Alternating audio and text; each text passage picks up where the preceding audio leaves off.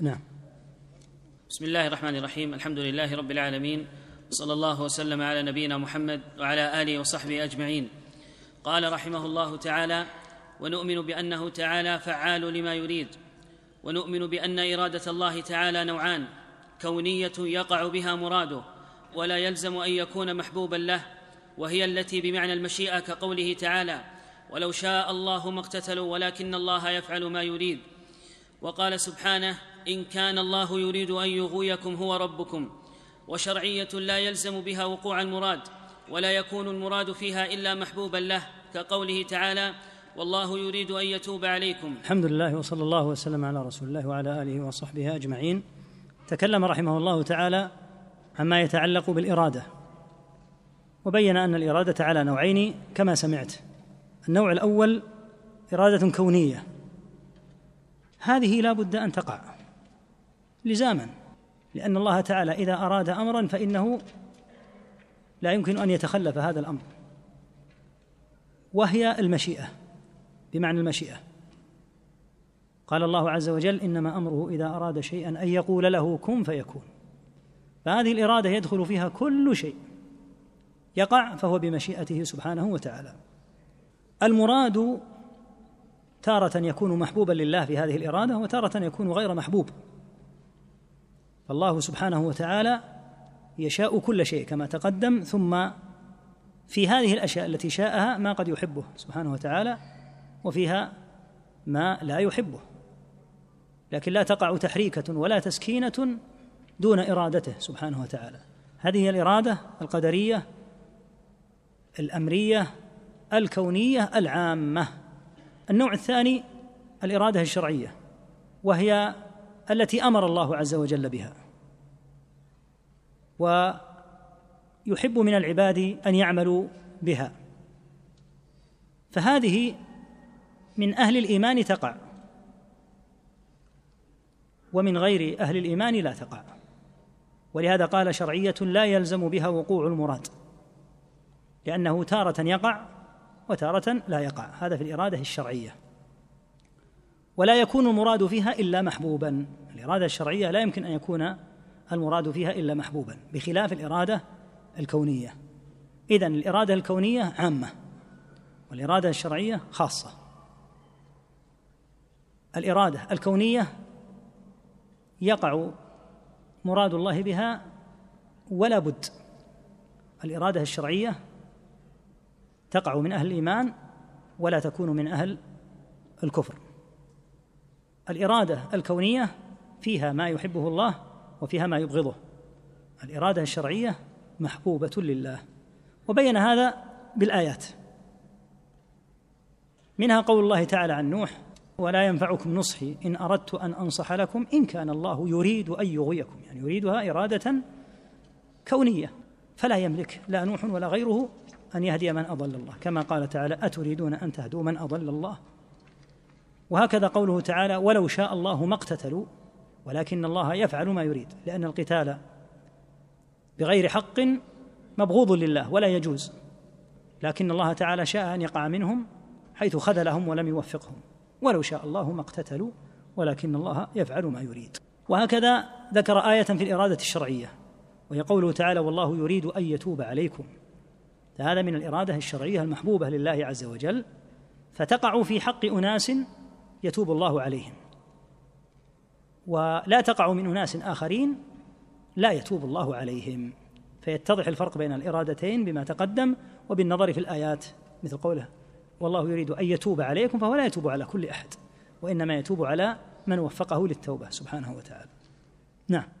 ونؤمن بأن مراده الكوني والشرعي تابع لحكمته فكل ما قضاه كونا أو تعبد به خلقه شرعا فإنه لحكمة وعلى وفق الحكمة سواء علمنا منها ما نعلم أو تقاصرت عقولنا عن ذلك. قال سبحانه أليس الله بأحكم الحاكمين؟ وقال عز من قائل ومن أحسن من الله حكما لقوم يوقنون. نعم حكم الله عز وجل الكوني الذي قضاه وقدره لا شك أنه لحكمة بالغة قد تتقاصر عنها العقول. وهكذا حكمه الشرعي. بأمره بأمور سبحانه وتعالى أوجبها على العباد ونهيهم عن أمور ألزمهم الكف عنها كل ذلك لحكمة بالغة. تارة تظهر الحكمة وتارة لا تظهر الحكمة لكن لا ريب أن أمره الكوني والشرعي وفق حكمة بالغة. قد لا يعلمها في بعض الأحيان إلا هو وفي بعض الأحيان تتضح بأمره ومنته. فلا يجوز أن يقال إن في أوامر الله تعالى ما جرى على غير الحكمة.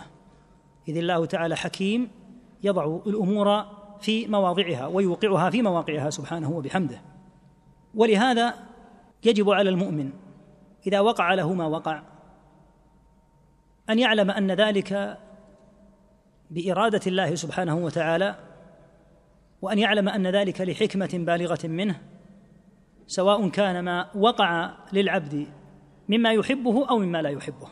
فإذا وقع للعبد مصاب من المصائب فإنه يرضى بتقدير الله تبارك وتعالى له ويعلم أن الله تعالى إنما قضاه وفق حكمة بالغة عظيمة فينتفع بهذه الأقدار غاية النفع ويصلح بها قلبه وإلا فأقدار الله عز وجل واقعة سواء رضي الناس أو لم يرضوا.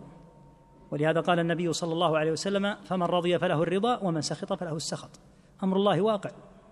لا بد في هذه الدار مما قال تعالى لقد خلقنا الإنسان في كبد. أين تذهب من هذا الكبد؟ هي دار خلقت هكذا. لا بد فيها من مفارقة الأحباب لا بد فيها من نكبات لا بد فيها مما يصيب الإنسان مما قال عز وجل ولنبلونكم بشيء من الخوف والجوع ونقص من الأموال والأنفس والثمرات. لا بد من هذا. لكن قال وبشر الصابرين. فهكذا قضى الله. الدنيا لا تكون دار استراحة بل هي دار امتحان. كما قال تعالى خلق الموت والحياة ليبلوكم أيكم أحسن عملا. ثم تنزل أقدار الله تعالى على العباد فيتفاوتون. منهم من يرضى ويسلم فلا يزيده هذا القدر عند ربه إلا رفعه. ومنهم من يسخط فسخطه لا يغير المقدور ولا يزداد بسخطه على ربه منه إلا بعدا. فأمر القدر والتأمل فيه يحيل العبد في الأمور إلى حكمة بالغة لله سبحانه وبحمده. ويعلم أن المرد إليه وأنه سبحانه وبحمده إليه الأمر. ولهذا لما وقع للصحابة ما وقع في أحد رضي الله عنهم وقتل منهم المشركون سبعين السبعون قديما ليست كالسبعين الآن سبعون كبيرة جدا. ولهذا سمى الله ما وقع بالمصيبة. قال أولما أصابتكم مصيبة قد أصبتم مثليها مصيبة عظيمة. لأن البخاري روى أن النبي صلى الله عليه وسلم أمر أن يحصى من يلفظ بالإسلام في بعض السنين فوجدوا ألفا وخمسمائة. سبعين من الرجال المقاتلين من بين عدد كهذا أو ربما يكون أقل إذا كان الحديث قبل بعد ذلك أشك أنه عدد كبير. فتساءل الصحابة أن هذا؟ كيف يقع هذا؟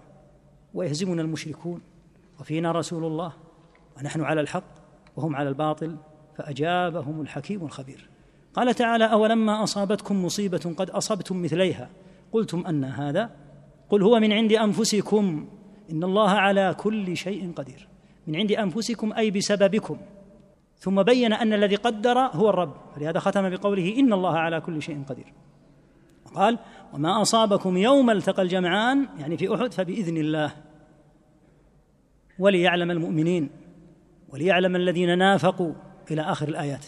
تجلت الحكمة اتضح أهل الإيمان من أهل النفاق وتبدت أمور واتضح عواقب العصيان. فإن الذي وقع من الصحابة رضي الله عنهم أن عصى بعضهم وهم الرماة رضي الله عنهم وعفى عنهم حين فارقوا الموضع الذي أمرهم عليه الصلاة والسلام أن لا يفارقوه عند الجبل جبل الرماة. فكم عصي؟ أمر واحد فقط. وليس كالمعاصي التي هي كالسيل ليلا ونهارا. عصي أمر واحد. فسلط الكفار على المسلمين وكان رسول الله صلى الله عليه وسلم موجودا حتى كادوا أن يقتلوا رسول الله لولا حفظ الله له حتى تعلم الأمة إلى قيام الساعة أن أن المعاصي غبها وعاقبتها وخيمة. فإذا وقع هذا وقعت هذه المصيبة في أحد وأجاب الله الصحابة الذين قالوا أن هذا يعني كيف يقع هذا؟ أجابه بأن السبب بسبب تلك المعصية وهي نزول الرماة مع أنهم لم ينزلوا كلهم. وإنما نزل عدد منهم وبقي أميرهم بن جبير رضي الله عنه وبعض من قاتل يريد أن يردوا المشركين لكن عجزوا لأن أعدادهم كانت أكبر منهم. فتأخذ الأمة الحكمة العظيمة والفائدة الكبيرة بأن المعاصي غبها كبير وعاقبتها وخيمة.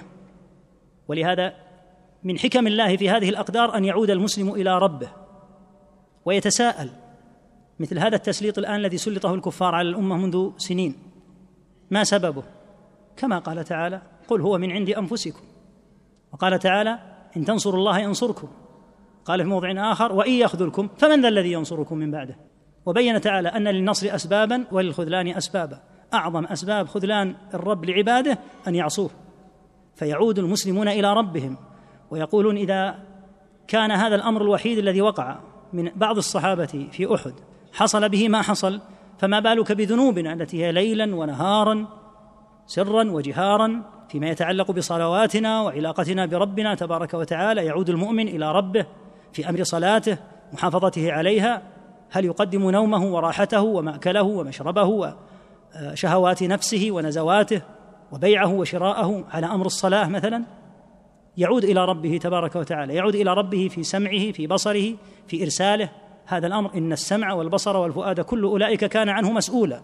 فيعود المؤمن. هذه هي الفائدة. ولهذا قال الله تعالى ظهر الفساد في البر والبحر بما كسبت أيدي الناس. يعني أن هذا الفساد بسبب كسب أيديهم. ليذيقهم بعض الذي عملوا ثم جاءت الحكمة لعلهم يرجعون. فهذا التسليط الذي يقع لأجل أن يرجعوا. لعلهم يرجعون أي لكي يرجعوا إلى ربهم تعالى.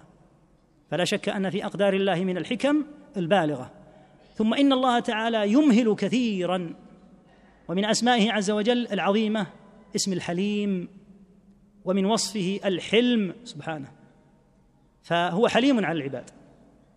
ولا يبادرهم سبحانه بالعقوبة المباشرة. ويجعل لهم من النذر والعلامات ما يزعهم ويردعهم. فإذا لج الناس في العناد والعقوبة والمعصية نزلت بهم العقوبة عياذا بالله بعد أن بين لهم تعالى عواقب النذر عواقب المعصية على لسان البشير النذير صلى الله عليه وسلم وأمهلهم سبحانه ولهذا تنقطع حجج العباد على الله تعالى. قال تعالى رسلا مبشرين ومنذرين لئلا يكون للناس على الله حجة بعد الرسل. ما يأتي أحد يستطيع أن يحتج على الله عز وجل؟ لأن الله أرسل الرسل وقطع المعاذير وتجلت السبل. فمن ركب السبيل المرضي لله عز وجل فعاقبته حميدة في دنياه وفي أخرى ومن أبى إلا تنكب هذا الطريق فلا يضر إلا نفسه ولا يضر الله تعالى شيئا. فهذا من الأمور العظيمة في قدر الله سبحانه وبحمده وتأمله. ولهذا قال عز وجل ما أصاب من مصيبة في الأرض ولا في أنفسكم إلا في كتاب من قبل أن نبرأها. إن ذلك على الله يسير. ما الحكمة؟ لكي لا تأسوا على ما فاتكم ولا تفرحوا بما آتاكم. فإذا وقع ما وقع لا يتقطع الإنسان حسرة وتأسيا. وإذا وفق ورزق ونجح وتيسر أمره لا يفرح ويبغي ويفخر. لأن هذا توفيق من الله يعيد الأمر إليه تبارك وتعالى. ففي تدبر القدر أمور عظيمة تعيد العبد إلى ربه. ففيه فوائد جلية كبيرة للعبد إذا تأمل. أما من سخط وجزع ورفع الصوت وشق الجيب وخمش الوجه لا يضر إلا نفسه. والله تعالى لا يضره العباد شيئا. نعم. قال رحمه الله ونؤمن بأن الله تعالى يحب أولياءه وهم يحبونه. قال تعالى قل إن كنتم تحبون الله فاتبعوني يحببكم الله. وقال سبحانه فسوف يأتي الله بقوم يحبهم ويحبونه. وقال عز من قائل والله يحب الصابرين. وقال سبحانه وأقسطوا إن الله يحب المقسطين. وقال سبحانه وأحسنوا إن الله يحب المحسنين. نعم مما يوصف الله عز وجل به صفة المحبة فهو يحب من أطاعه سبحانه وتعالى وهذه الآيات تبين للمؤمن أسباب محبة الله عز وجل وأوصاف من يحبهم. قال الله عز وجل قل إن كنتم تحبون الله فاتبعوني يعني اتبعوا الرسول الذي أرسله الرب لكم. فماذا يحصلون عليه؟ يحببكم الله ويغفر لكم ذنوبكم. هذه عاقبة اتباع الرسول صلى الله عليه وسلم الحميدة أن يحبك الله عز وجل. ولهذا قال أهل العلم ليس الشأن أن تحب ولكن الشأن أن تحب. محبة الله هذه موجودة في قلوب الناس لكن الشأن كل شأن أن يحبك الله عز وجل. من هم الذين يحبهم الله عز وجل؟ هم المذكوران في الآية بعدها. فسوف يأتي الله بقوم يحبهم ويحبونه أوصافهم أذلة على المؤمنين مع إخوانهم في غاية من حسن التعامل والتذلل مع المؤمنين. أعزة على الكافرين أقوياء مع أهل الكفر. أعزة على الكافرين يجاهدون في سبيل الله وهذه من صفاتهم البارزه الجهاد في سبيل الله عز وجل بأنواعه. ولا يخافون لومة لائم. توكلون على ربهم لا يكترثون بلوم اللائمين إذا كانوا على منهج سوي. هذه من أسباب محبته تبارك وتعالى. ثم قال تعالى والله يحب الصابرين. فالصبر من أسباب محبة الله. وأقسطوا إن الله يحب المقسطين العدل والإنصاف من أسباب محبته تعالى. وأحسنوا إن الله يحب المحسنين بأن يتقنوا أعمالهم مع ربهم سبحانه وتعالى ومع الناس. ويكونوا أهل إحسان وأهل بذل وأهل إحسان للعمل نفسه. فهذه أسباب محبته تعالى. فمن رزقها كان ممن أحبهم سبحانه وبحمده. نعم. ونؤمن بأن الله تعالى يرضى ما شرعه من الأعمال والأقوال ويكره ما نهى عنه منها. قال تعالى إن تكفروا فإن الله غني عنكم ولا يرضى لعباده الكفر وإن تشكروا يرضه لكم. وقال سبحانه ولكن كره الله انبعاثهم فثبطهم وقيل اقعدوا مع القاعدين. ونؤمن بأن الله تعالى يرضى عن الذين آمنوا وعملوا الصالحات رضي الله عنهم ورضوا عنه.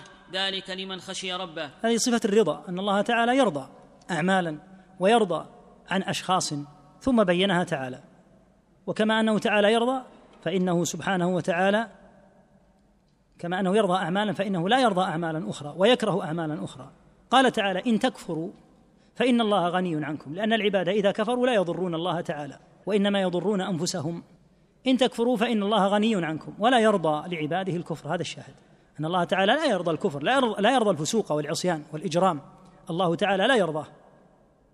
إن تكفروا فإن الله غني عنكم ولا يرضى لعباده الكفر وإن تشكروا يرضه لكم. يرضه لكم. يرضى الرب عز وجل عن العبد أن يكون شاكرا. مطيعا له تعالى. اذا الكفر من الأشياء غير المرضية عنده تعالى. والشكر وأعمال الإيمان من الأشياء المرضية له عنده سبحانه. وهكذا قال عز وجل في المنافقين ولكن كره الله انبعاثهم فثبطهم وقيل اقعدوا مع القاعدين. أهل النفاق كره الله عز وجل أن ينبعثوا في الغزو مع نبيه صلى الله عليه وسلم فقدر أن يثبطوا عنه. كره الله انبعاثهم فثبطهم. ثم إنه تعالى ذكر أقواما يرضى عنهم وهم أحق الناس برضاه سبحانه وتعالى بعد الأنبياء صلى الله عليه وسلم وهم أصحاب رسول الله صلى الله عليه وسلم. قال الله عز وجل في شأنهم والسابقون الأولون من المهاجرين والأنصار والذين اتبعوهم بإحسان رضي الله عنهم ورضوا عنه. فرضي هو سبحانه وتعالى عنهم وهم عن ربهم تعالى راضون. لاحظ في الآية أن الله تعالى ذكر رضاه عنهم دون شرط. والسابقون الأولون من المهاجرين والأنصار هذا القسم الأول. القسم الثاني والذين اتبعوهم. لم يقل رضي الله عنهم وإنما اشترط أن يحسنوا والذين اتبعوهم بإحسان الذين يأتون بعد الصحابة إذا أحسنوا واتبعوا. هؤلاء الصحابة رضي الله عنهم فإن الله تعالى يرضى عنهم ولهذا لم يشترط سبحانه وتعالى في الصحابة رضي الله عنهم الرضا لأنهم محسنون. والسابقون الأولون من المهاجرين تقدير الكلام والسابقون الأولون من المهاجرين والأنصار هؤلاء رضي الله عنهم لأنهم محسنون. الذين بعدهم والذين اتبعوهم حتى يرضى الله عنهم لا بد أن يتبعوا بإحسان فيرضى الله عنهم. نعم. قال المؤلف رحمه الله تعالى ونؤمن بأن الله تعالى يغضب على من يستحق الغضب من الكافرين وغيرهم. الظانين بالله ظن السوء عليهم دائرة السوء وغضب الله عليهم. وقال تعالى ولكن من شرح بالكفر صدرا فعليهم غضب من الله ولهم عذاب عظيم. كما أن الله سبحانه وتعالى يرضى عن أولي الطاعة والإيمان فإنه سبحانه وتعالى يغضب على من يستحق الغضب من أهل معصيته سواء من أهل الكفر أو ممن يبارزه بالعصيان من أهل الإسلام. وذكر رحمه الله تعالى آيتين هنا منها الغضب على الكافرين في قول الله عز وجل الظانين بالله ظن السوء عليهم دائرة السوء وغضب الله عليهم. يغضب سبحانه وتعالى عليهم غضبا يليق به كما قررنا في القاعدة في قوله تعالى ليس كمثله شيء وهو السميع البصير. يغضب غضبا يعلم كيفيته هو وإذا غضب سبحانه لم يقم لغضبه شيء وغضبه عياذا بالله أفظع ما يمكن أن يحل بالبلاد وبالعباد لأنه سبحانه وتعالى إذا غضب فقد ينتقم نقمة هائلة عظيمة تجعل الناس في حال يرثى لها. ولهذا مواضع وأسباب غضبه يجب التنائي عنها والبعد عنها. أعظم ما يغضب الله تعالى أكبر الذنوب وهو الشرك. وبعد ذلك تأتي ذنوب هي في مقام شديد من موجبات غضبه. منها سفك الدم بالحرام فإن ذلك من أعظم ما يغضبه تعالى. ومنها والعياذ بالله هتك الأعراض بالحرام بالزنا فإن ذلك من أعظم ما يسخطه تعالى. ومنها التعدي على عباد الله والتطاول عليهم والتكبر. ومنها ظلم الناس. حتى روى مسلم أن النبي صلى الله عليه وسلم قال إن الله يعذب الذين يعذبون الناس فيتولى تعذيبهم تعالى. فهذه أسباب تستجلب غضبه. ونقمته ومن أعظم ما يستجلب غضبه التكبر والترفع والتغطرس على عباد الله. فهذا مما يجلب غضبه حتى قال عليه الصلاة والسلام لا يدخل الجنة من كان في قلبه مثقال ذرة من كبر لبغض الله عز وجل للكبر والترفع على عباد الله. لهذا قال صلى الله عليه وسلم إن الله أوحى إلي أن تواضعوا حتى لا يبغي أحد على أحد ولا يفخر أحد على أحد. فالموفق من يعلم الأسباب الموجبة لغضبه عياذا بالله تعالى ويتناءى ويبعد عنها ولو غضب منه الناس. فإن المؤمن إذا التزم أمر الله يغضب ذو أهواء وأهل شهوات فلا يكترث بغضبهم وليلتمس رضا ربه تعالى كما في الحديث المشهور من التمس رضا الناس بسخط الله سخط الله عليه وأسخط عليه الناس. ومن التمس رضا الله بسخط الناس رضي الله عنه وأرضى عنه الناس. فإياك وما يوجب غضبه تعالى. ولا تكترث بأن تفعل الشيء الذي يغضبه لأن الناس لا يرضون إلا هكذا. فإنك قد امتحنت في هذه الدار واختبرت. ومن أعظم مواضع الامتحان الوقوف عند أوامره تعالى ونواهيه. وأهل الشهوات والنزوات يريدون الأمور أن تكون كما قال. ويريد الذين يتبعون الشهوات أن تميلوا ميلا عظيما. أهل الشهوات وأهل الأهواء أي يريدون الاستقامة ويبغضون أهلها. فإياك أن تنكص وتتراجع لأجل أن أهل الأهواء وأهل الضلال لا يرضون منك مثلا بلزوم السنة كإطلاق لحيتك ورفعك لثوبك وأمرك بالمعروف ونهيك عن المنكر لا تكترث بهذا لأنك في دار امتحان تقوم فيها بتقديم أهواء العباد على أوامر الله. فهل نجحت؟ من ينجح؟ وهذه هي نتيجة تقديمه. نسأل الله العافية والسلامة. فالعاقل ينظر في أسباب السخط ويتناءى ويبعد عنها غاية البعد ويلتمس أسباب الرضا ويلتمسها من الله تعالى ويحرص عليها وذلك لا يكون بعد توفيق الله تعالى إلا بالعلم والعمل المصحوب بالنية الصالحة. لأنك إذا لم تعلم وتتعلم فقد تقع في أمور تظنها مرضية وهي مسخطة أو تفعل امورا أو تتناءى عن أمور تظنها مسخطة وهي مرضية. فتعلم اولا ثم اعمل مخلصا لله تعالى ومنها التناهي عن أسباب سخطه وممن يسخط الله عليهم ويغضب هؤلاء الذين شرحوا بالكفر صدرا عياذا بالله واستروحوا للكفر. عليهم غضب عياذا بالله نسأل الله السلامة والعافية. قدم الجار والمجرور هنا فعليهم غضب والغضب هنا نكرة كأنه والله أعلم من شدة هذا الغضب الذي سيحل بهم. عليهم غضب من الله ولهم عذاب عظيم. نعم. ونؤمن بأن لله تعالى وجها موصوفا بالجلال والإكرام. قال تعالى ويبقى وجه ربك ذو الجلال والإكرام. نعم. مما يؤمن به أهل السنة الإيمان بأن لله تعالى وجها كما يليق بجلاله وعظمته كما قال سبحانه ويبقى وجه ربك. وهذا الوجه العظيم الجليل هو مطمع أهل القلوب الحية أن يروه تعالى في جنات النعيم وهو أعظم وأجل لذة في الجنة على الإطلاق. ولهذا قال صلى الله عليه وسلم أسألك الشوق إلى لقائك. في غير ضراء مضرة. أسألك النظر إلى وجهك والشوق إلى لقائك. في غير ضراء مضرة ولا فتنة مضلة. أسألك لذة النظر.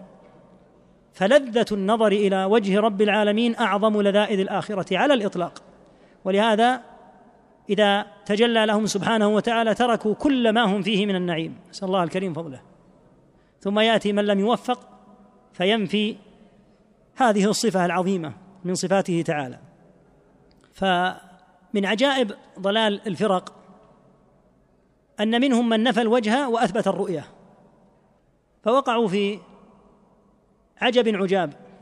إذ الرؤية كما هي منصوص النصوص إلى وجه الله كما تقدم في الحديث أسألك لذة النظر إلى وجهك. وهنا تناقضوا تناقضا عظيما حيث يثبتون الرؤية وينفون الوجه. الرؤية هي إلى وجهه تعالى. الرؤية إلى وجه رب العالمين سبحانه. ولهذا لا يستقيم لأحد أن يثبت الرؤية إلا إذا أثبت الوجه. ولهذا تناقض متأخروهم حين أول حتى الرؤية. فرؤية الله تعالى هي أعظم النعيم وتكون إلى وجه رب العالمين سبحانه. نعم. ونؤمن بأن لله تعالى يدين كريمتين عظيمتين بل يداه مبسوطتان ينفق كيف يشاء. وقال سبحانه وما قدر الله حق قدره والأرض جميعا قبضته يوم القيامة والسماوات مطويات بيمينه سبحانه وتعالى عما يشركون. نعم يؤمن أهل السنة بأن لله يدين كما أخبر عن نفسه.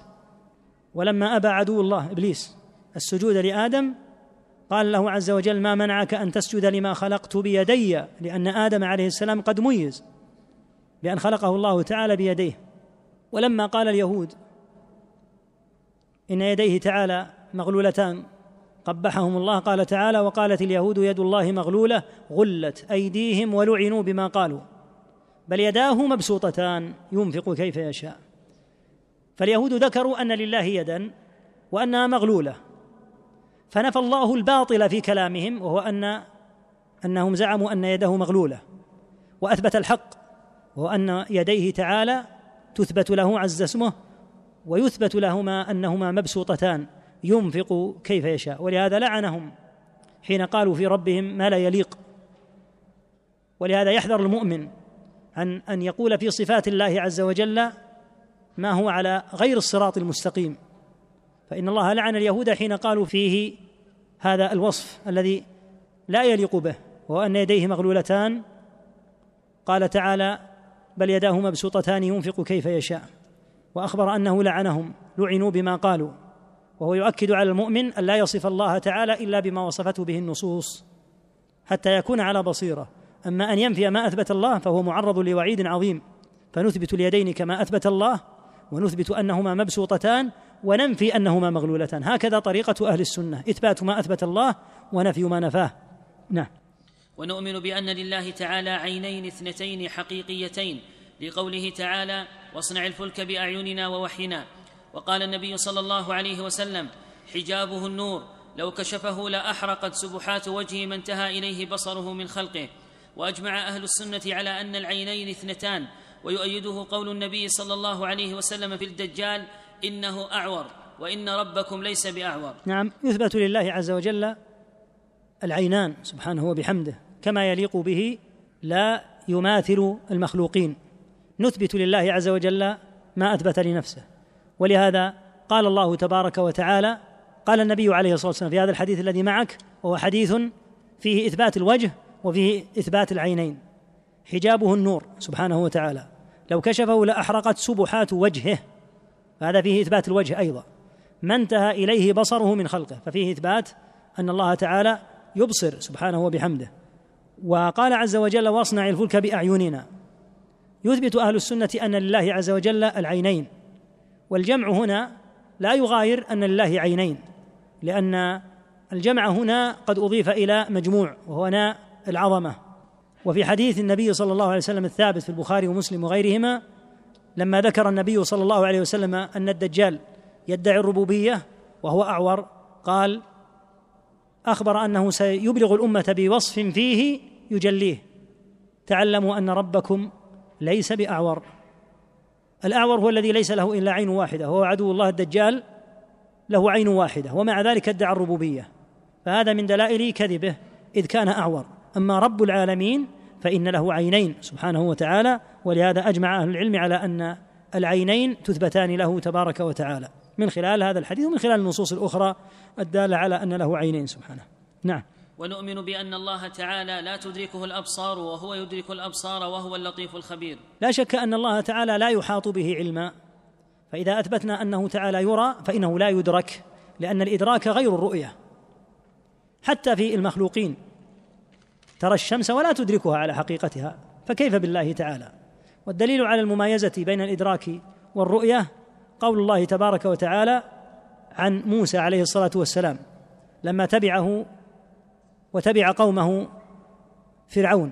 قال تعالى فلما ترى الجمعان قال أصحاب موسى إنا لمدركون. قال كلا. فوقعت الرؤية ولم يقع الإدراك. فلما تراءى هذه الرؤية تراءى الجمعان جمع بني إسرائيل وجمع فرعون ومن معه. قال أصحاب موسى إنا لمدركون. فنفى موسى أن يدركوا. قال كلا. فدل على أن الرؤية لا يلزم منها الإدراك. الإدراك لا يمكن أن يدرك الله ويحاط به حاشا له من ذلك تعالى. قال عز وجل يعلم ما بين أيديهم وما خلفهم ولا يحيطون به علما. لا يحاط بالله كما يحاط بالمخلوقين علما. لكن تعلم صفاته يرى في الآخرة دون أن يترتب على هذا اعتقاد الإحاطة. أما هو فيدرك الأبصار. الأبصار لا تدركه وإن رأته أما هو فيدرك الأبصار. سبحانه وبحمده. نعم.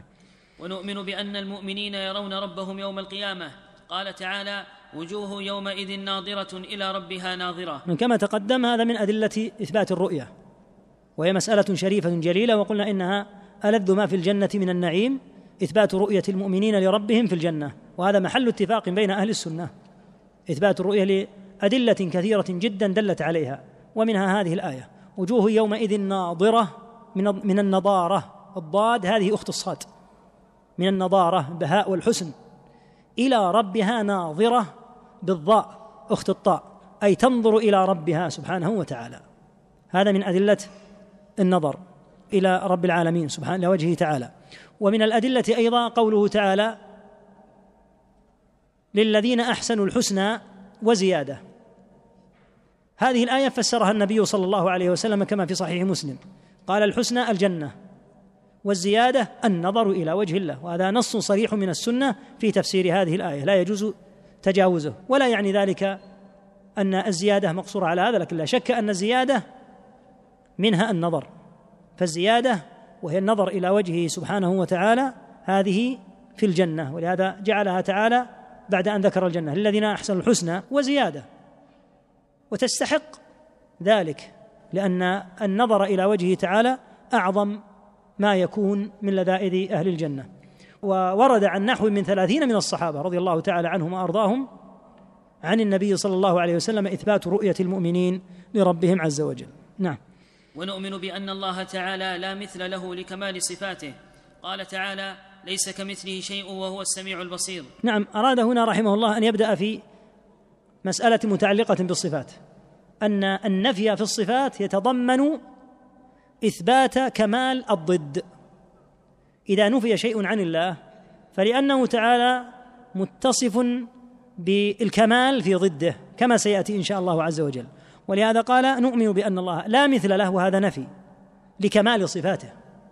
ولأجل أنه متصف بالصفات الكاملة فصفات النقص لا يتصف بها. يأتي إن شاء الله تعالى ما يبين هذا.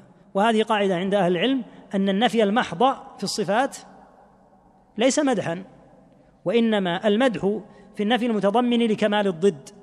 أما النفي المحض فقد ينفى الشيء للعجز عنه. أما إذا نفي عن الله ما لا يليق لكمال اتصافه بضده فينفى عن الله الظلم كما سيأتي لاتصافه بكمال العدل سبحانه وتعالى. أما النفي المجرد فقد يوصف أحد من العاجزين بعدم الظلم لأنه غير قادر على أن يظلم. فلا يكون النفي المحض مدحا حتى يتضمن كمال الصفة المضادة.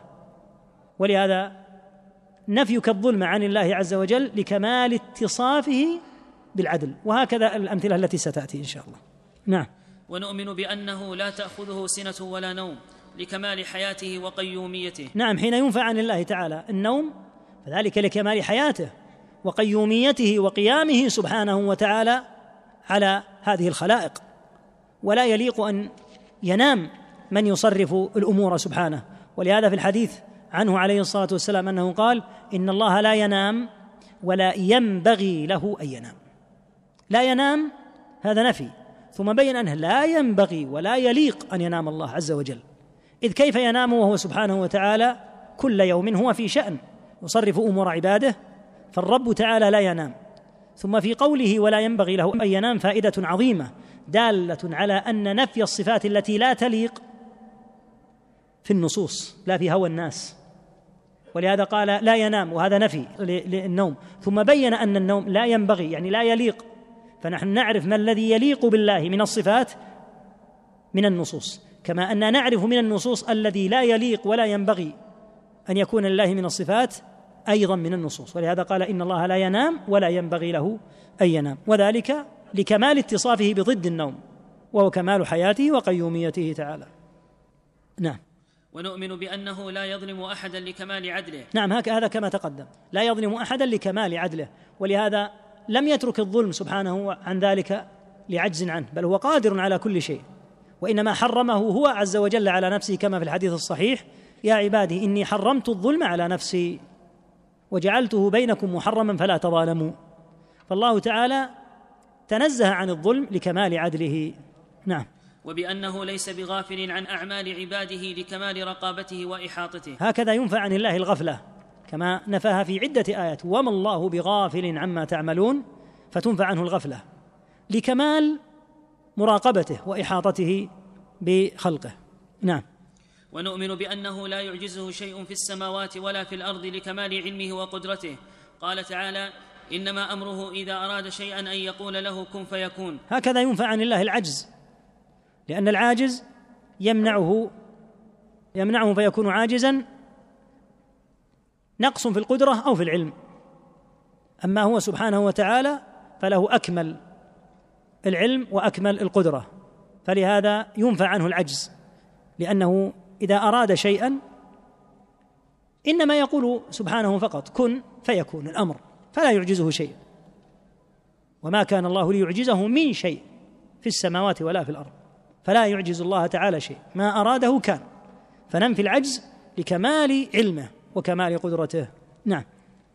وبأنه لا يلحقه تعب ولا إعياء لكمال قوته. قال سبحانه ولقد خلقنا السماوات والأرض وما بينهما في ستة أيام وما مسنا من لغوب أي من تعب ولا إعياء. كذلك ينفع عن الله التعب والإعياء لأن الذي يتعب يصاب بنقص في قوته أما الله تعالى فهو ذو القوة المتين القوي. أولم يروا أن الله الذي خلقهم هو أشد منهم قوة؟ فالذي يصاب بالإعياء والتعب هو المخلوق المسكين. الذي يجهد وينصب ويتعب. أما الله عز وجل فهو القوي الذي له القوة الكاملة تعالى. فلهذا ينفى عنه التعب والإعياء وهو المراد بقوله سبحانه ولقد خلقنا السماوات والأرض وما بينهما في ستة أيام وما مسنا من لغوب. نفى الله عز وجل ما اعتقدته اليهود أخزاهم الله من دعواهم أن الله تعالى لما خلق السماوات والأرض استراح. فلهذا قال تعالى هنا بعد أن ذكر خلق السماوات والأرض ولقد خلقنا السماوات والأرض وما بينهما في ستة أيام وما مسنا من لغوب أي لا تعب ولا إعياء. نعم. قال رحمه الله ونؤمن بثبوت كل ما أثبته الله لنفسه أو أثبته له رسوله صلى الله عليه وسلم من الأسماء والصفات لكننا نتبرأ من محذورين عظيمين هما التمثيل أن يقول بقلبه أو لسانه صفات الله تعالى كصفات المخلوقين. ذكر هنا رحمه الله عودا مرة أخرى إلى إجمال عقيدة أهل السنة. ما عقيدة أهل السنة في الأسماء والصفات؟ إثبات كل ما أثبته الله دون تشهي. سأثبت هذه الصفة وأنفي هذه الصفة لست على السنة. تثبت جميع ما أثبت الله وتثبت جميع ما أثبت رسول الله صلى الله عليه وسلم. ولهذا نص على أنهم يثبتون كل ما أثبته الله. أو أثبته له رسوله صلى الله عليه وسلم. الذي أثبته الله أي في القرآن؟ والذي أثبته رسول الله صلى الله عليه وسلم فيما ثبت في السنة. يعني لو ورد بسند ضعيف لا يثبت ولا تقوم به الحجة. وصف الله بوصف لا يعتقد. إلا إذا ثبت عن النبي صلى الله عليه وسلم. ومع ذلك إذا أثبتنا فإن نتبرأ من ضد منهج أهل السنة وهو طريقان. الأول التمثيل أن يقول بقلبه يعني يعتقد. أو بلسانه أن ينطق. أن يزعم عياذا بالله أن صفات الله كصفات المخلوقين. الكاف هنا حرف تشبيه. يزعم أنها مماثلة لصفات المخلوقين. لا شك أن هذا محذور عظيم وأول من وقع في التمثيل هم الرافضة بمقدميهم من غلاتهم من السبائية والخطابية وأمثالهم من غلاة الرافضة. فهم أول من وقع في أمر التمثيل مثلوا رب العالمين بعلي رضي الله تعالى عنه وأرضاه حتى زعموا أن عليا هو الله عياذا بالله نعوذ بالله من قالة السوء. فالرافضة أول من وقع في التمثيل تمثيل الله تعالى بخلقه. نعم. والتكييف أن يقول بقلبه أو لسانه كيفية صفات الله تعالى كذا وكذا. التكييف بأن يجعل ويزعم بأن صفة من صفات الله تعالى على هذا الحد الذي يبينه ويزعمه. يقول صفة رب العالمين هي كذا وكذا. ويكيفها ويضع لها حدا من تلقائه. لا شك أن هذا أيضا مما فيه جرأة على رب العالمين وفيه لا شك قول على الله بلا علم. فننفي عنه تعالى المماثلة كما نفى عن نفسه ليس كمثله شيء. وهكذا لا يجوز اعتقاد كيفية محددة لصفته تعالى لأن الله تعالى نفى أن تدرك كيفيته. ليس كمثله شيء ولا يحيطون به علما لكن نثبت لله ما أثبت لنفسه مع نفي التكييف والتمثيل. نعم. ونؤمن بانتفاء كل ما نفاه الله عن نفسه. ونؤمن. ونؤمن بانتفاء كل ما نفاه الله عن نفسه أو نفاه عنه رسول الله صلى الله عليه وسلم وأن ذلك النفي يتضمن إثباتا لكمال ضده ونسكت عما سكت الله عنه ورسوله. نعم. كما تقدم هذا كله تقدم بأن نؤمن بانتفاء كل ما نفاه الله عن نفسه أو نفاه عنه الرسول صلى الله عليه وسلم وأن ذلك النفي يتضمن إثبات كمال الضد. يبقى أمر السكوت عما سكت عنه الله ورسوله صلى الله عليه وسلم. يعني كما أننا نثبت ما أثبت الله لنفسه أو أثبته الرسول صلى الله عليه وسلم وننفي عن الله ما نفاه عن نفسه أو نفاه عنه رسوله صلى الله عليه وسلم فإنا لا نتقدم بين يدي رب العالمين. فلا نأتي بوصف من تلقاء أنفسنا نضيفه لله. وأيضا لا ننفي عن الله تعالى وصفا من تلقاء أنفسنا. فلا نثبت إلا ما أثبت الله ولا ننفي إلا ما نفاه الله. أما أن يخترع أمر يقال أثبتوا هذا أو انفوا هذا فلا شك أن هذا من التقدم بين يدي الله فحيث نطقت النصوص ننطق وحيث سكتت نسكت. نعم. ونرى أن السير على هذا الطريق فرض لا بد منه. وذلك لأن ما أثبته الله لنفسه أو نفاه عنه سبحانه فهو خبر أخبر الله به عن نفسه وهو سبحانه أعلم بنفسه وأصدق قيلا وأحسن حديثا والعباد لا يحيطون به علما وما أثبته له رسوله أو نفاه عنه فهو خبر أخبر به عنه وهو أعلم الناس بربه وأنصح الخلق وأصدقهم وأفصحهم ففي كلام الله تعالى ورسوله صلى الله عليه وسلم كمال العلم والصدق والبيان. ففي, ففي, كلام, ففي كلام الله. ففي كلام الله تعالى ورسوله صلى الله عليه وسلم كمال العلم والصدق والبيان فلا عذر في رده أو التردد في قبوله. نعم لا شك هذه القاعدة أن نثبت لله عز وجل هذه الأسماء والصفات التي أثبتها لنفسه لأنه تعالى أثبتها لنفسه. والذي يثبت لله ما أثبت لنفسه لا لوم عليه إنما اللوم على هذا الذي نفى عن الله ما أثبت لنفسه. ولهذا قال وهب بن منبه رحمه الله تعالى لأول من عرف بالنفي وهو الجعد بن درهم قال له ويحك يا جعد لو لم يخبرنا الله أن له يدا وأن له عينا وأن له وجها ما قلنا ذلك؟ يعني ما اخترعنا هذا من تلقاء أنفسنا نحن وإنما أخبرنا الله بأن له عينا وتمدح بذلك وأثنى به على نفسه وكذلك رسوله صلى الله عليه وسلم مدح ربه بهذه الصفات فنحن نثبتها حيث أثبتها الله وأثبتها رسول الله صلى الله عليه وسلم. ولهذا قال تعالى قل أأنتم أعلم أم الله؟ فإذا أثبت الله وجاء أحد ونفى ما أثبت الله يقول سبحان الله أنت أعلم بالله من نفسه؟ الله أعلم بك أنت من نفسك. الرب أعلم بعباده. فكيف يتوغل هذا الشقي حتى ينفي عن الله ما أثبت لنفسه؟ أأنت أعلم من رب العالمين؟ ولهذا قال تعالى قل أأنتم أعلم أم الله؟ فمن نفى صفة قد أثبتها الله. نقول هل أنت أعلم من الله؟ لا بد أن يقول لا. إذ لو قال إني أعلم من الله لكفر مكانه. يقول لا الله أعلم مني. فيقال لما لا ترضى بإخبار الله عز وجل عن نفسه؟ لأن الخبر عن الله يجب أن تصدقه. وهكذا ما ثبت عن النبي صلى الله عليه وسلم وهو أفصح الناس وأنصحهم وأكملهم بيانا عليه الصلاة والسلام. يجب قبول ما أخبر به النبي صلى الله عليه وسلم عن ربه لأنه لا يصف الله بعد الله أعلم بالله من رسول الله صلى الله عليه وسلم فهو أعلم الخلق بربه. ولهذا قال عليه الصلاة والسلام أنا أعلمكم بالله وأخشاكم له أو كما قال عليه الصلاة والسلام. فكيف نترك ما جاء من كتاب ربنا وسنة نبينا صلى الله عليه وسلم إلى زبالات أقوال اخترعها؟ كما قال شيخ الإسلام ورثت اليهود وورثت الأنباط والفرس ممن هم أبعد ما يكون عن العلم بالله. أيترك كلام الله وكلام رسول الله صلى الله عليه وسلم لكلام هؤلاء الأفاكين؟ فالحاصل أن نثبت لله ما أثبت كما أثبت عز وجل في النصوص. وهكذا رسوله صلى الله عليه وسلم وهكذا إذا نفينا فإن على هذا الصراط المستقيم وهذا هو الهدي السليم في أسماء الله وصفاته. وما سواه فقد سماه تعالى إلحادا أي ميلا كما تقدم. نعم. قال رحمه الله فصل وكل ما ذكرناه من صفات الله تعالى تفصيلا أو اجمالا اثباتا أو نفيا. فإننا في ذلك على كتاب ربنا وسنة نبينا معتمدون وعلى ما سار عليه سلف الأمة وأئمة الهدى من بعدهم سائرون. نعم هذا تأكيد أيضا لما يمكن أن يعبر عنه بمصدر التلقي. من أين نتلقى الاعتقاد؟ نتلقاه من كتاب الله ومن سنة نبي الله صلى الله عليه وسلم وكيف تفهم هذه النصوص كما فهمها السلف. وهذه من الفروق الكبيرة جدا بين أهل السنة وأهل الأهواء. فإن أهل السنة يتلقون من القرآن ومن السنة. والفهم السوي هو فهم أبي بكر وعمر وعثمان وعلي والمهاجرين والأنصار رضي الله تعالى عنهم وأرضاهم. إذ أفهمهم إمامهم صلى الله عليه وسلم معاني هذه النصوص. ففهمهم هو الفهم السوي وما خالف هذا الفهم فهو الفهم الباطل.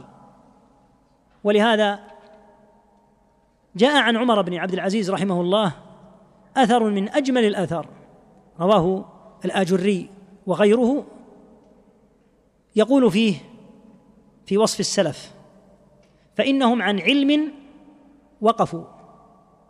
وببصر نافذ وببصر نافذ كفوا إذا كفوا عن أمر فعن علم لا عن جهل الإنسان قد يكف عن مسألة لجهله. قال هم لا. عن علم وقفوا. لأن الجاهل يخوض يخبص. في الذي يعرف في الذي لا يعرف. لكن العالم إذا جاءت مسألة لا يخاض فيها لا يخوض. ولهذا من الفتن العظيمة أن يظن الناس أن كثرة الثرثرة وكثرة الدخول في مسائل لا يضبطها المتكلم يظنون أنها دالة على علم القائل دون أن ينظروا هل هو على بصيرة وعلى كتاب الله وسنة نبيه صلى الله عليه وسلم يمضي أو يخبص. فلهذا العالم قد يقف لا لجهله لعلمه.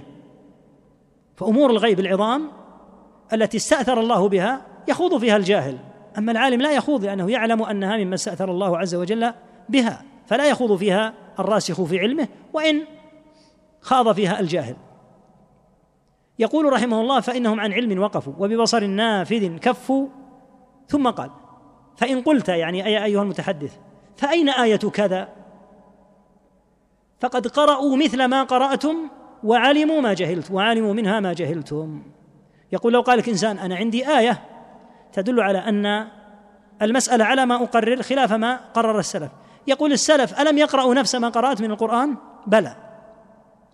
فقد قرأوا مثل ما قرأتم وعلموا منه ما جهلتم. السلف رضي الله عنهم حين قالوا في النصوص ما قالوا قالوا عن علم.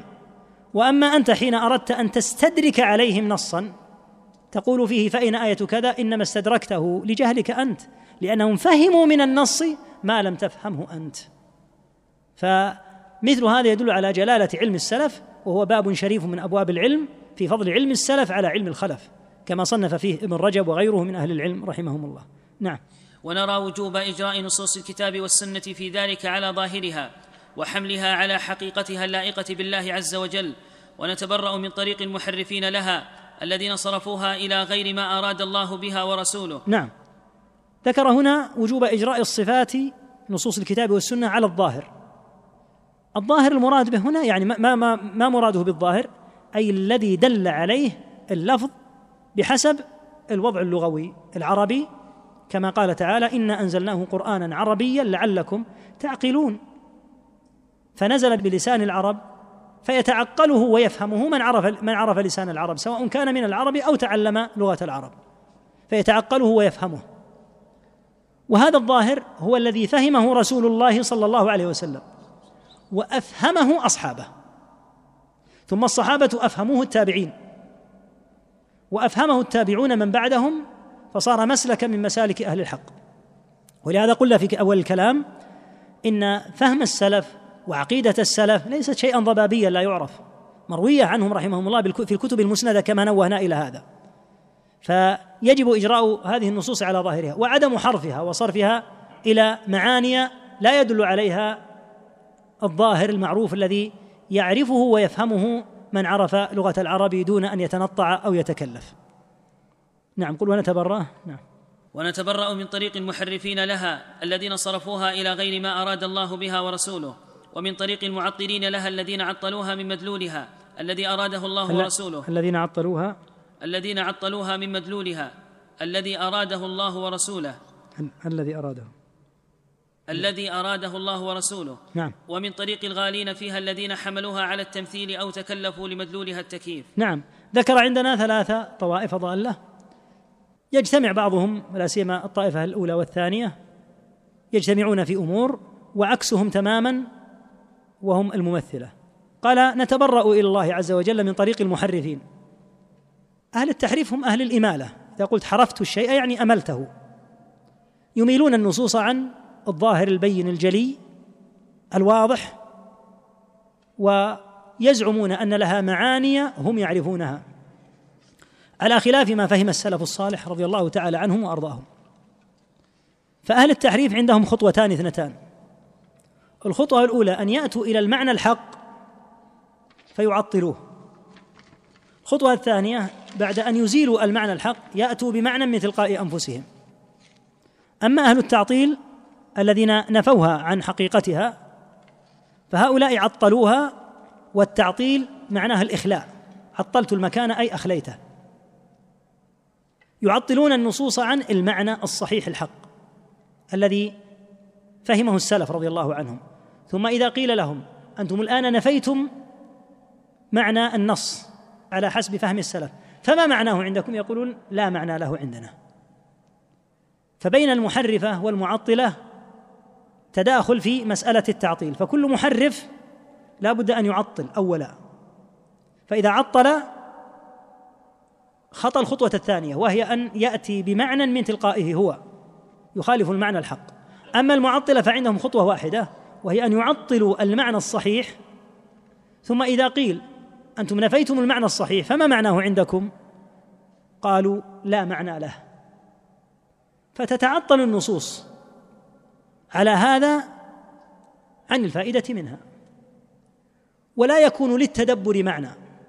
كتاب أنزلناه إليك مبارك ليدبروا آياته. إذا كان لا معنى لألفاظه فكيف يتدبر؟ فلا ريب أن أهل التعطيل وأهل التحريف يريدون إسقاط معنى النص الذي فهمه السلف. أما أهل التمثيل فعاكسوهم وقابلوهم. فقالوا بل نثبت المعنى ثم زادوا بأن مثلوا هذا المعنى وشبهوه بالذي في المخلوقين. مثال ذلك يقول الممثله إن لله يدا فنقول هذا صحيح. فيقولون مثل أيدينا فنقول كذبتم. لله يد هذا حق كما تقدم لكن ليست كمثل يد المخلوقين. كما قال تعالى ليس كمثله شيء وهو السميع البصير فعندنا القاعدة نثبت اليد وننفي أن تماثل يد المخلوق. أما المعطلة والمحرفة فيجتمعون في ضد هذا الطريق. ولهذا كان التحريف مضادا للتمثيل. فظهرت طائفة من أهل التمثيل تبالغ في الإثبات فناقضهم طائفة أخرى يسمون المعطلة أو المحرفة أو النفاة ينفون المعنى الحق.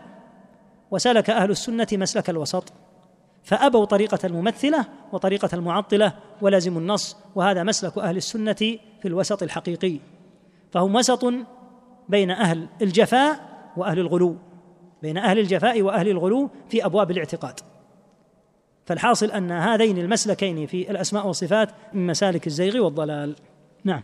ونعلم علم اليقين أن ما جاء في كتاب الله تعالى أو سنة نبيه صلى الله أو عليه وسلم. أو سنة أو سنة نبيه صلى الله عليه وسلم. فهو حق لا يناقض بعضه بعضا. فهو حق. فهو حقا لا يناقض بعضه حق بعضا. حق. فهو حق لا يناقض بعضه بعضا. نعم. لقوله تعالى أفلا يتدبرون القرآن ولو كان من عند غير الله لوجدوا فيه اختلافا كثيرا. لا يرتاب ولا يتردد مسلم في أن القرآن لا يمكن أن يوجد فيه شيء متناقض. وهكذا الثابت عن النبي صلى الله عليه وسلم لا يمكن أن يوجد بين الأحاديث نفسها الثابتة عنه عليه الصلاة والسلام تناقض وتضارب وتعارض.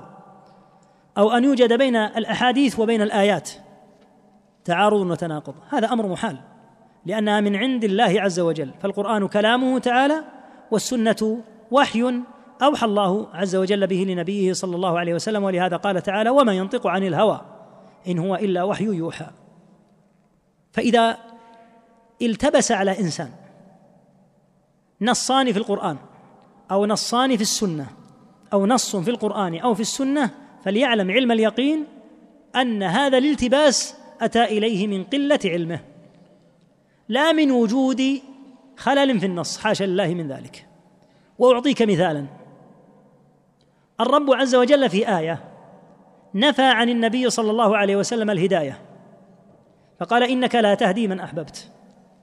وفي آية أخرى أثبتها له بقوله وإنك لتهدي إلى صراط مستقيم. فيقول قاصر العلم الله نفى في موضع وأثبت في موضع فكيف يمكن الجمع؟ إما أن النبي صلى الله عليه وسلم يهدي وإما أنه لا يهدي. أما أن يقال إنه يهدي ولا يهدي يقول فأنا لا أستطيع أن أفهم. يقال هذا التنظير للنص أتاك من قلة فهمك أنت. لما؟ لأنك ظننت أن الهداية المنفية في النص الأول هي الهداية المنفية في النص الثاني. والهداية المنفية في النص الأول لا شك أنها ليست المثبتة في النص الثاني. فالهداية نوعان. النوع الأول خاص بالله لا يملكه ملك مقرب ولا نبي مرسل وهو توفيق القلب لقبول الحق. هذا إلى الله وهو مرتبط ارتباطا مباشرا بالربوبية. لا يمكن أن يقع هذا لعبد. فكون القلوب تقبل وتخضع وتلين وتوفق هذا لله وحده لا شريك له. كما قال تعالى ولكن الله حبب إليكم الإيمان وزينه في قلوبكم. هذا من الله فضل منه سبحانه وتعالى. ولا يملك أحد أن يوصل إلى القلوب الإيمان هكذا. فنفاه الله عن نبيه صلى الله عليه وسلم فقال إنك لا تهدي من أحببت. يعني هذا النوع من الهداية. النوع الثاني من الهداية هو هداية الدلالة والإرشاد. كأن تقول لرجل يا هذا اهدني طريق مكة. وش ما معنى اهدني طريق مكة؟ دلني أرشدني. لا شك أن النبي يدل على الحق. بل وأتباع النبي صلى الله عليه وسلم على بصيرة يدلون على الحق. ولهذا تدعو اللهم اجعلنا من الهداة. المهتدين الهداة الذين يهدون. ولهذا قال تعالى وجعلنا منهم أئمة يهدون. ليس معناها أنهم يوفقون القلوب للقبول لا لكن يرشدون ويدلون على طريق الله. فهذا الذي قال الآية الأولى نفت والآية الثانية أثبتت. أتاه الإشكال من قلة فهمه. وإلا فمن المحال أن تكون الهداية المنفية هي عين الهداية المثبتة. فلهذا إذا وجد نصان وجد الإنسان بينهما ما لم يفهمه هو. ولهذا صنف الشنقيطي رحمه الله محمد الأمين رحمه الله صاحب أضواء البيان رحمة الله عليه صنف كتابا سماه دفع ما قال الاضطراب ما يقال في في النصوص اضطراب خطأ هذا. قال دفع إيهام الاضطراب. يعني دفع الإنسان يت... يعني الإنسان توهم وجود اضطراب. ظن أن ثمة اضطرابا لكن الاضطراب غير موجود. كما نفاه تعالى ولو قال تعالى ولو كان من عند غير الله لوجدوا فيه اختلافا كثيرا. أما وهو من عند الله فلا يمكن أن يوجد فيه الاختلاف. فهذا من القواعد العظيمة التي يسلكها المؤمن في فهم نصوص القرآن والسنة. نعم. ثم إذا مر به نص كهذا فلا حرج ولا بأس أن يطلب إلى من هو أعلم منه أن يبينه له ويحسن السؤال لا يقول يوجد تعارض بين قول الله وقول الله. ما يحل هذا السؤال. تحيل الأمر إلى نفسك. تقول أنا لم أستطع أن أفهم وجه الجمع بين قول الله تعالى كذا وقول الله كذا أو قول النبي صلى الله عليه وسلم. لا تقل يوجد خلل يوجد لا يحل لا يجوز أن يكون السؤال سؤال ملقا بهذه الصيغة. لكن تحيله إلى نفسك. ومن سئل فعليه أن يقول صيغة السؤال خاطئة ولا يقال في النصوص هكذا. وإنما أحل الأمر إلى قلة علمك وقلة درايتك. قل إني جهلت وجه الجمع بين هذين النصين. نعم. ولأن التناقض في الأخبار يستلزم تكذيب بعضها بعضا. تكذيب بعضها. تكذيب بعضها بعضا. وهذا محال في خبر الله تعالى ورسوله صلى الله عليه وسلم. نعم. ومن ادعى أن في كتاب الله تعالى أو في سنة رسوله صلى الله عليه وسلم أو بينهما تناقضا فذلك لسوء قصده وزيغ قلبه فليتب إلى الله فليتب إلى الله ولينزع عن غيه. ومن توهم التناقض في كتاب الله تعالى أو في سنة رسوله صلى الله عليه وسلم أو بينهما فذلك إما لقلة علمه أو قصور فهمه أو تقصيره في التدبر. لاحظ كلام أهل العلم. هذا الرجل رحمه الله الشيخ محمد دقيق للغاية في كلماته رحمه الله. يقول الذي يدعي ادعاء أن في كتاب الله وسنة نبيه صلى الله عليه وسلم تناقضا يقول هذا موجود. فهذا لا شك أنه خبيث القصد زائغ القلب. لأنه جزم عياذا بالله. أن ثمة اضطرابا فهذا من خبث مسلكه. أما من توهم توهما كالعامي من المسلمين لو توهم وجود تناقض توهمه توهما. يقول فهذا لقلة علمه وقصور فهمه أو قصوره في التدبر. ففرق بين الأول والثاني. الأول فاسد العقيدة والثاني جاهل يرفع جهله بالسؤال. أما الأول فهو من ذوي الزيغ والضلال الذين يدعون على النصوص هذه الدعوة. نعم. فليبحث عن العلم وليجتهد في التدبر حتى يتبين له الحق. فإن لم يتبين له فليكل الأمر إلى عالمه وليكف عن توهمه وليقل كما يقول الراسخون في العلم آمنا به كل من عند ربنا وليعلم أن الكتاب والسنة لا تناقض فيهما ولا بينهما ولا اختلاف. نعم. هذا العامي الذي توهم توهما وجود التناقض قد يخشى ويخاف يقول أنا ما أستطيع أن أسأل. يقال لا يا أخي اسأل ولكن لا ينبغي أن يلقى مثل هذا السؤال على جهلة لأن هذا قد يوجد عندهم إشكالا. لكن يأتي إلى أحد أهل العلم فيقول إن الله تعالى قال كذا وقال النبي صلى الله عليه وسلم كذا فلم أستطع أن أفهم. فيزيل من لديه علم وبصيرة يزيل هذا التوهم وهذا الجهل الذي ورد إليه لأنه قد يكون هذا مثل ما قلنا هذا الخطأ وقلة الدراية قد يكونان راجعين إلى عدم علمه فيسأل لا بأس أن يسأل. لو لم يفهم قال أنا لم أفهم حتى ما أردت أن تزيله عني. قصر فهمي عن ذلك. يقال اترك الأمر إلى ربك تعالى.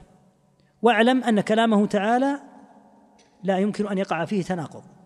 الذي حدث أنك عجزت عن الفهم مع أنه بإذن الله إذا عبر له بتعبير واضح جلي بين زال توهمه لكن على فرض أنه لم يستطع الفهم.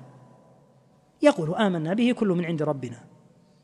فيحيل الأمر إلى الله ويعلم علما تاما أن عدم فهمه ليس آتيا من خلل في النص وإنما أتى إليه عدم الفهم من قلة قدرته على الفهم كما أنك قد تعرض لك مسألة من مسائل الفرائض والمواريث. فتسعى إلى فهمها وتقلبها وتسأل عنها وذو العلم بالمواريث بينة هي له وجلاها لك لكن لم تستطع أن تفهمها. فهي بالنسبة له جلية وبالنسبة لك لا تزال خفية. خفاؤها هو أمر نسبي راجع إليك أنت لا لوجود إشكال في نفس المسألة. وهكذا يحيل العبد الأمر إلى ربه مع علمه التام بأن كلام الله لا يمكن أن يتناقض وإنما هذا لقلة فهم وقلة دراية فيه. نعم. قال رحمه الله فصل ونؤمن بملائكة الله تعالى وأنهم عباد مكرمون لا يسبقونه بالقول وهم بأمره يعملون. خلقهم الله تعالى فقاموا بعبادته وانقادوا لطاعته. نقف نقف إن شاء الله عند هذا ونكون بذلك أتممنا بحمد الله ما يتعلق بالركن الأول ركن الإيمان بالله عز وجل. ويبدأ الكلام في ركن الإيمان بالملائكة وما بعده إن شاء الله عز وجل. نضع فيه بعض الجوامع من العبارات التي ذكرها الشيخ أيضا رحمه الله في كتاب له سماه رحمه الله تعالى ما يعني يتعلق بأصول الإيمان وذكرها شيخه الشيخ ابن سعدي أيضا في مواطن من التفسير تلخص ما يتعلق بأمر الإيمان بالملائكة وهو الركن الثاني وأمر الإيمان بالكتب والرسل واليوم الآخر نلخصه كما لخصه لكن من أهم ما علينا ما يتعلق بالركن الأول وهو ركن الإيمان بالله عز وجل فهذا يهمنا للغاية ولذلك فصلنا فيه. بقية أركان الإيمان سيأتي إن شاء الله تعالى كلام عليها فيه شيء من الإيجاز لعلنا أن نتمكن منه إن شاء الله تعالى. والله أعلم. وصلى الله.